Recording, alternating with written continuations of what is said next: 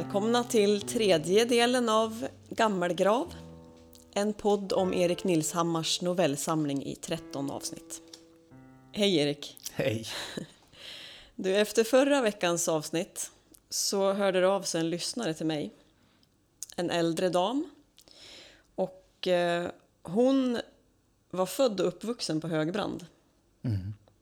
Och hon kunde bekräfta att det stämmer det här med den sommaren när Mm. getterna fick blåtunga. Ja, nej, men det kan säkert finnas kvar någon som, någon som minns det. Hon är säkert gammal, men eh, det kan nog stämma. Mm. Mm. Ja, men det här var ju ändå ganska länge sedan. Mm. Eh, Även om det är spännande så tänker jag så här. Eh, Finns det någonting som du själv har varit med om också som du kan berätta om så det blir lite mer trovärdigt? Eh, ja, jag skulle kunna berätta om eh, en plats som heter Sörga. Där jag jobbade för en 30-35 år sedan. Eh, det var nämligen så att det låg ett militärt flygfält där som skulle byggas ut. Och eh, när det blir sådana här stora statliga projekt då kan det ju gå lite fort ibland. Och eh, eh, ibland så vet man ju inte vad som har funnits på den plats som man, som man eh, bygger över. Nej, just det. Den här gången var det någonting. Ja, så är det ju. Det Sörga är en väldigt liten plats och, och där Sörgån rinner förbi. Och eh, eh, det är faktiskt så att eh, det ligger en eh, avrättningsplats där som vi höll på att bygga över. Och eh, viss jord ska man nog bara låta vara.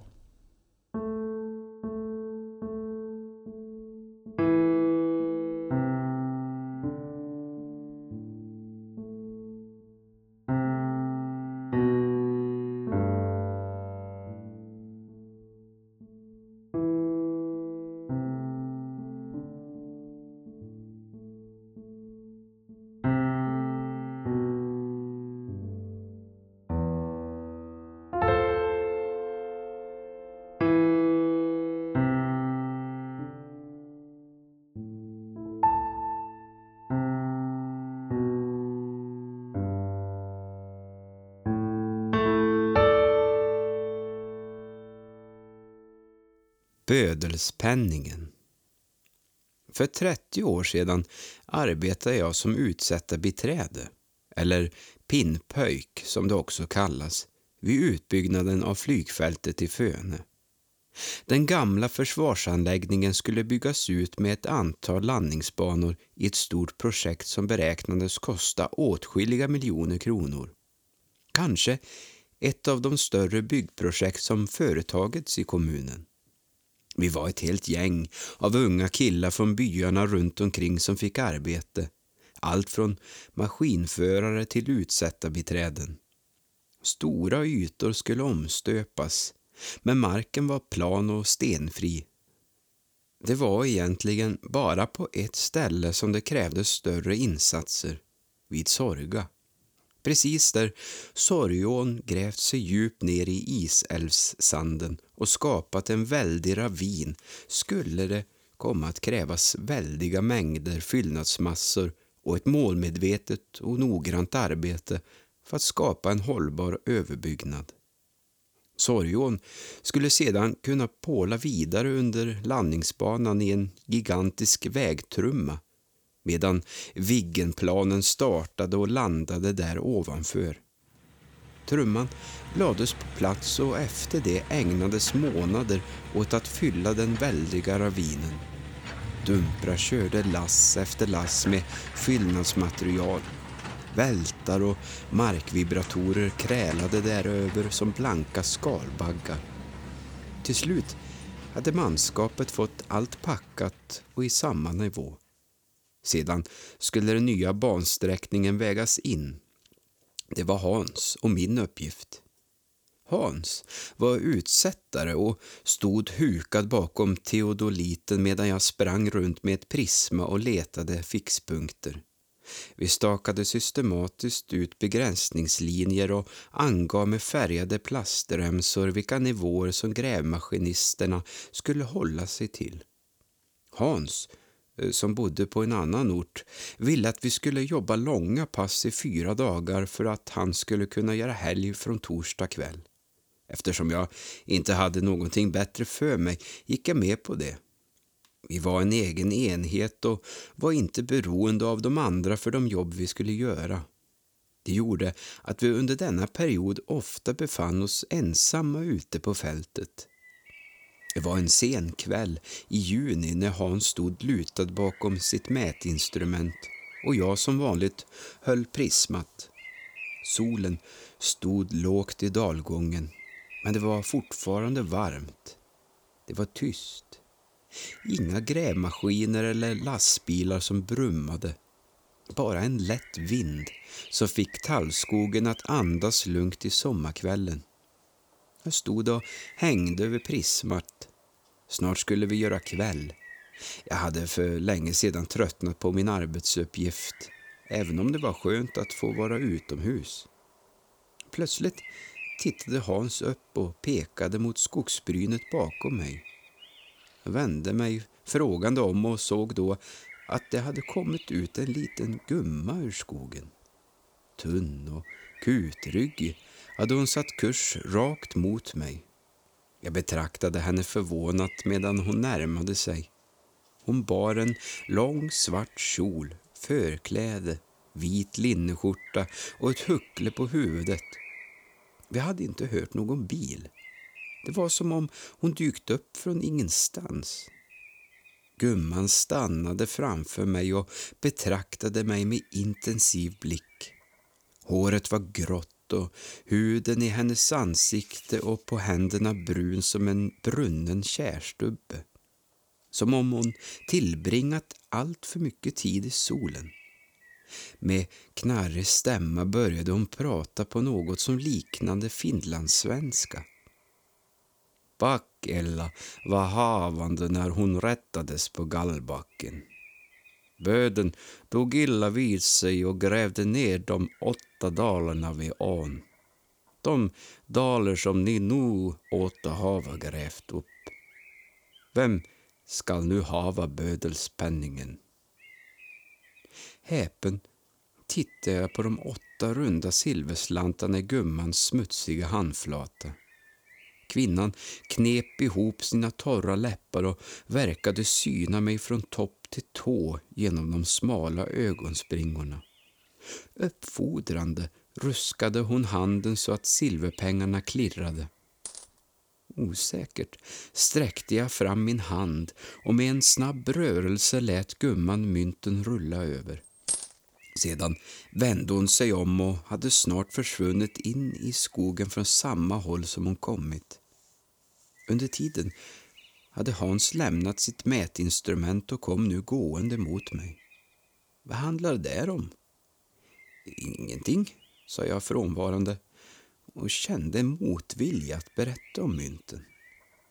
Det kittlade min nyfikenhet att det gjorts ett sådant fynd vid arbetsplatsen och jag var rädd att Hans skulle hävda att han var bäst lämpad att ta hand om dalerna.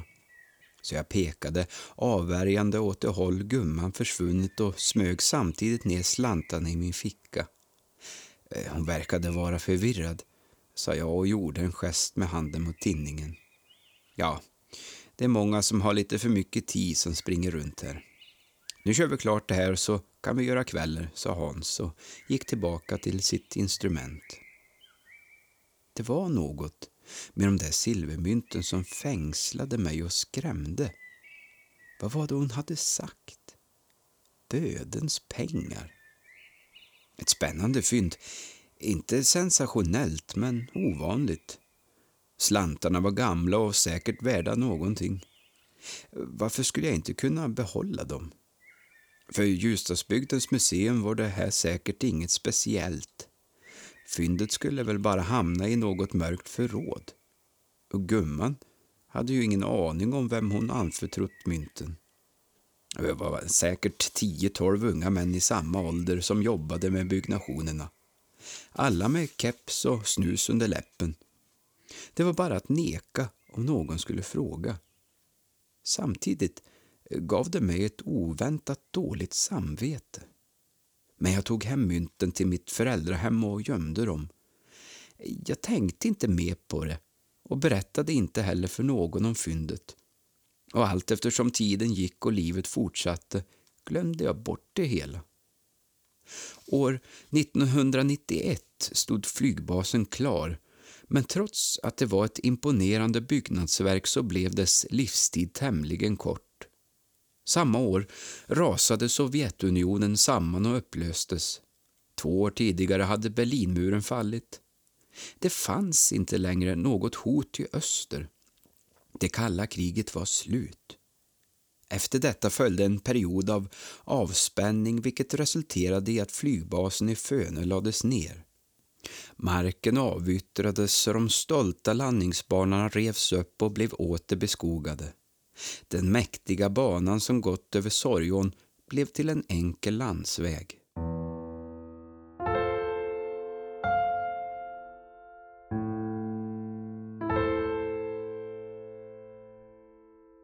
Åren som följde efter flygfältsbygget blev inte bara förödande för Sovjetunionen. Det blev inte heller någon lyckosam tid för mig. Jag hade tidigt börjat spela, men intresset hade nu övergått i mani.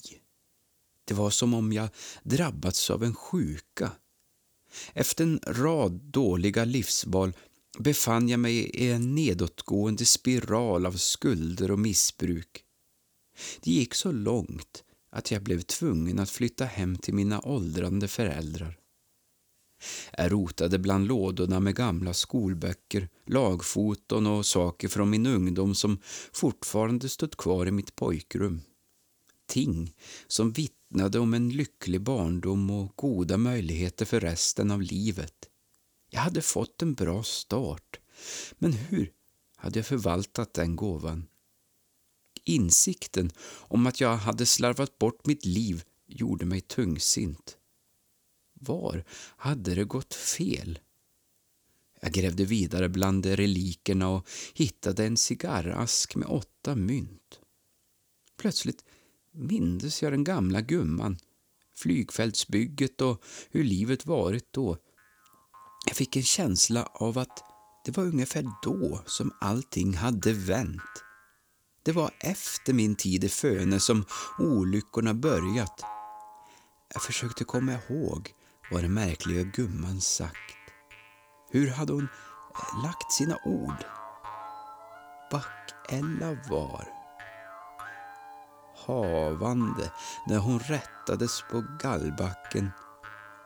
Böden grävde ner de åtta dalarna vid ån. Vem skola nu hava bödelspengen? Bödelspengen? Jag började genast undersöka om det verkligen existerat en avrättningsplats i Sorga. Det fanns inte så mycket information, men tillräckligt för att jag skulle få det bekräftat. Det hade varit en galgbacke där fram till 1674. Backella och Gammelanna hade blivit halshuggna och sedan brända på bål. Böden fick åtta daler. Allt stod i Färila kyrkas kassabok. Kullen gick fortfarande att hitta, men var det verkligen de åtta dalerna som jag höll i min hand? Hade jag tagit emot bödens pengar? Och av vem? Jag hade inte längre ro att gömma mig hos mina föräldrar. Någonting höll på att komma ifatt mig. Jag hörde mig för hos de äldre i Föne, men ingen visste vem den gamla gumman var. Ju mer jag tänkte på det som skett, desto sämre mådde jag. Jag blev mer och mer övertygad om att det var gammel-Anna som jag träffat och att allt ont som hänt mig var en konsekvens av min girighet. Så länge jag hade de förbannade slantarna i min ägo skulle olyckorna fortsätta. På något sätt kände jag att jag måste sona mitt brott. Men hur? Skulle det räcka att lämna Dalarna vidare till museet för att bryta förbannelsen? Jag var tveksam. En kväll när jag druckit en del tog jag bilen över Vallabron och styrde den mot Föne. Snart hade jag passerat Movallen och de plana ändlösa tallmoarna tog vid. Här och var efter vägen syntes lämningar från den tid då området var en viktig länk i nationens försvar. Gläntor vid vägen där tankplatser och bränsledepåer stått. En och annan gammal lagbyggnad av korrigerad plåt. En kvarleva. En bedagad föredetting, precis som jag. Jag var på väg till Galgbacken i Sorga. Den väg mot undergång som jag slagit in på för länge, länge sedan. Om jag inte kunde vända mitt hopplösa liv i en ny riktning.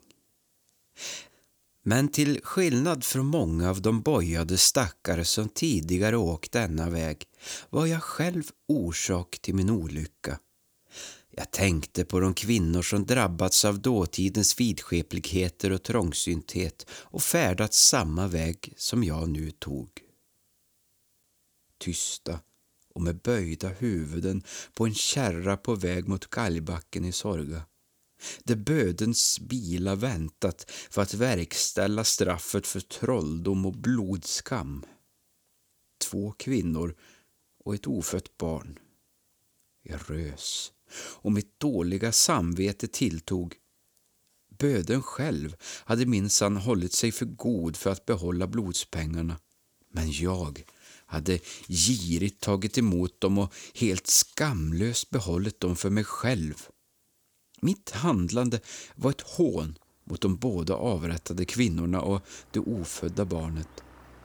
Pengarna skavde i byxfickan. När jag kom fram till vägkorsningen vid Sorga parkerade jag bilen, tog en klunk ur min fickplunta och klev ur. Försommar, löftenas tid. Men inte för mig. Eller fanns det fortfarande hopp? Jag var berusad och snubblade ut i skogen. Långsamt letade jag mig fram och fann till slut den lilla kullen som måste ha utgjort galgbacken. Toppen såg ut att vara utjämnad som en liten platå.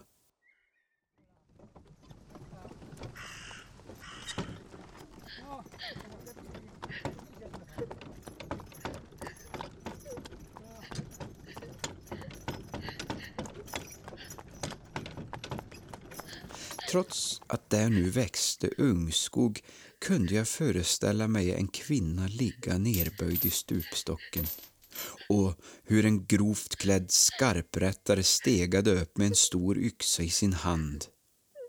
Hur kvinnan skälvde i sitt fängsel. Hur det långa håret var lagt åt sidan så att nacken blottades. Hennes läppar darrade. Snor och saliv hängde från hennes haka. Med ett eh, krasande läte föll bilan ner och avlägsnade huvudet från kroppen.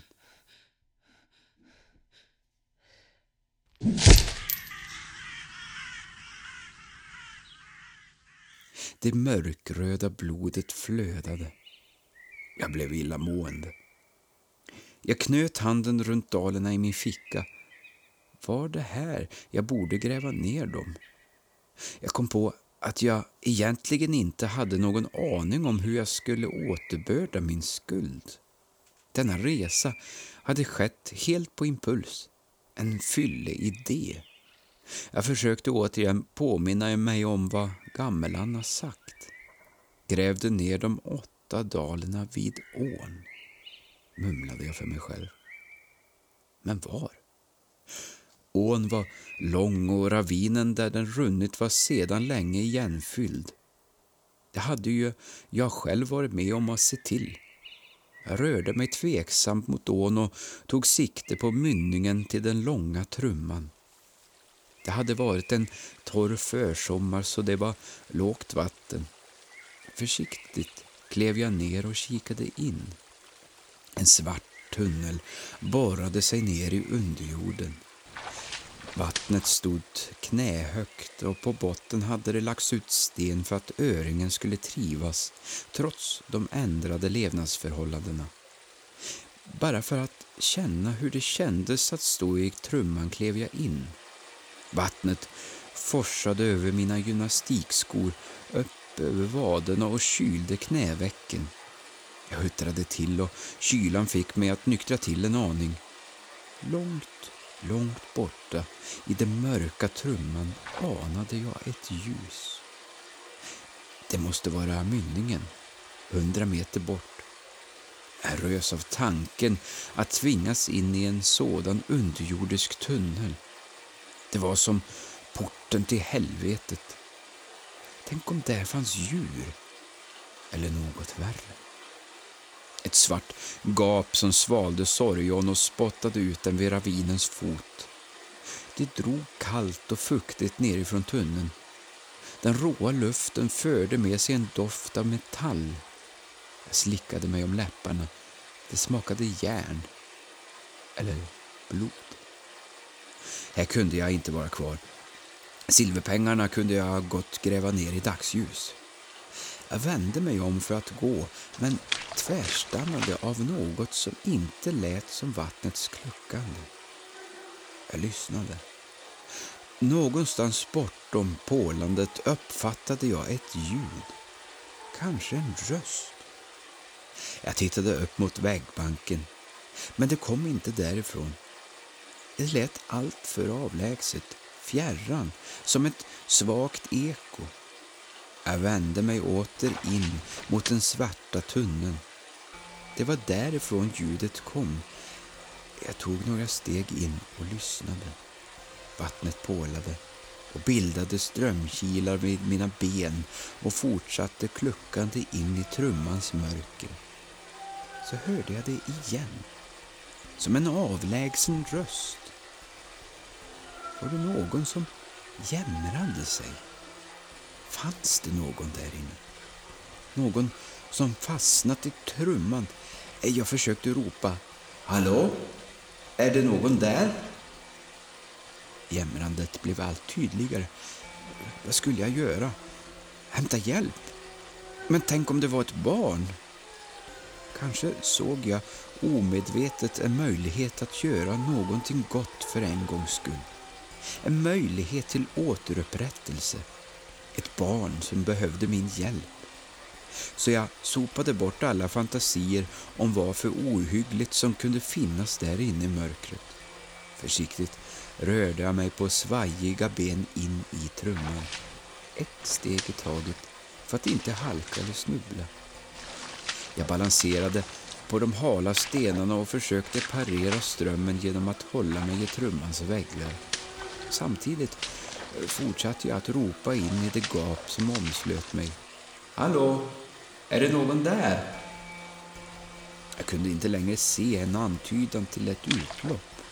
Det var helt svart. Jag tittade bakåt mot ljuset vid inloppet och kände hur oerhört gärna jag ville vända. Jag tvekade. Jag var ju inte ens nykter. Tänk om jag skulle ramla och bryta någonting. Eh, tänk om jag blev kvar. Jag måste vända. Men så hördes klagandet igen. Lite närmare. Jag hejdade mig. Eh, tänk om barnet var skadat. Med gråten i halsen fortsatte jag och snart famlade jag mig blint fram med vatten upp till knäna. Snubblade över stenar och höll så när på att ramla men fortsatte. Jag vet inte hur långt, inte hur länge. Den klagande rösten blev långsamt starkare. Den närmade sig. Till slut lät det som om den var alldeles framför mig. Med sprucken röst fortsatte jag att ropa. Hallå! Eh, behöver du hjälp? Klagandet eh, lät inte längre som det kom från någon som behövde hjälp. Mer som ångesten hos ett döende djur. Som ljudet av någon som höll på att gå under. Var är du? sa jag med så lugn röst jag kunde, men jag hörde själv hur ynkligt det lät. så tystnade den klagande rösten och endast andningen hördes. Den och vattnets kluckande mot trummans väggar. Jag vände mig om, men mörkret omslöt mig på alla sidor. Jag stannade upp och lyssnade. Pålandet ekade metalliskt mot väggarna. Andningen hördes så tydligt som om det varit min egen. Jag flämtade till. Det var jag som andades. Det var min andning. Den våta kylan slickade mina ben. Tårarna trängde fram och blandades med fukten i mitt ansikte. Jag snyftade tyst och kved. Snälla, gör mig inte illa. Händerna famlade lamt i luften framför mig för att vifta bort det onda. Men där fanns ingenting. Jag var ensam. Jag trampade runt, halkade och föll. Ryggen slog emot en sten på botten och det blixtrade till av smärta i ryggslutet. Jag kände hur det iskalla vattnet dränkte i mina kläder och strömmade över mitt ansikte. Panikslagen försökte jag resa mig upp men benen drogs med av strömmen. Slog omkring mig med armarna så kaskader av vatten sprutade mot trummans väggar. Jag drog in vatten i munnen och svalde. Hulkande försökte jag få ny luft. Jag slogs för mitt liv. Trumman hade blivit bottenlös och kalla händer försökte dra ner mig under ytan. Jag brottades med ån och mörkret och höll på att förlora. Till slut orkade jag inte mer. Blev halvliggande kvar på trummans botten. Jag grät tyst.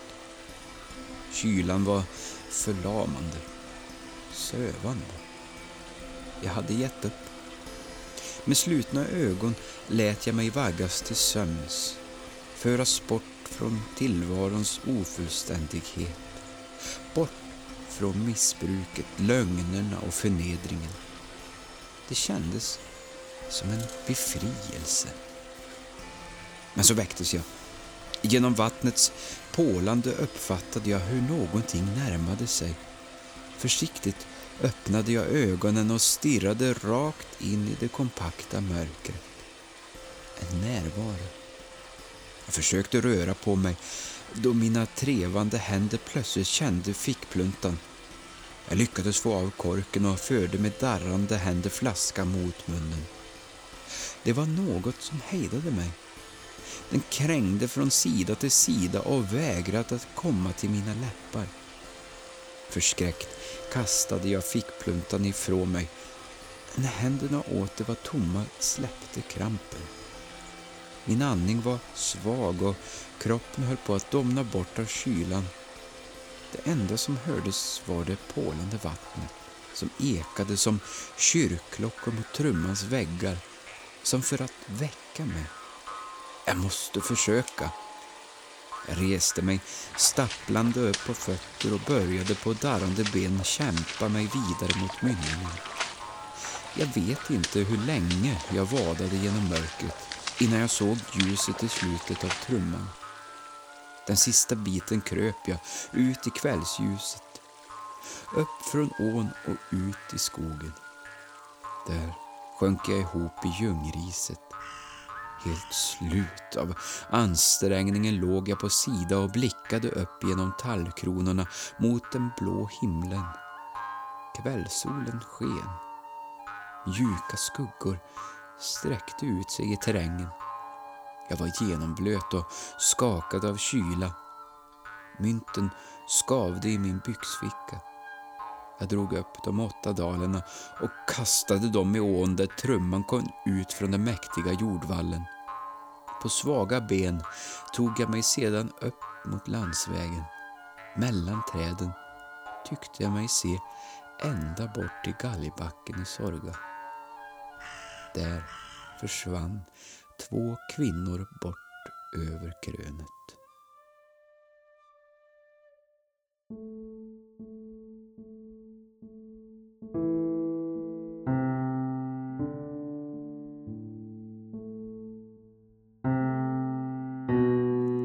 Har lyssnat till podden Gammelgrav, producerad av Erik Toresson. Novellerna är inlästa av Magnus Johansson och jag heter Malin Lindgren. Tack för att du lyssnat!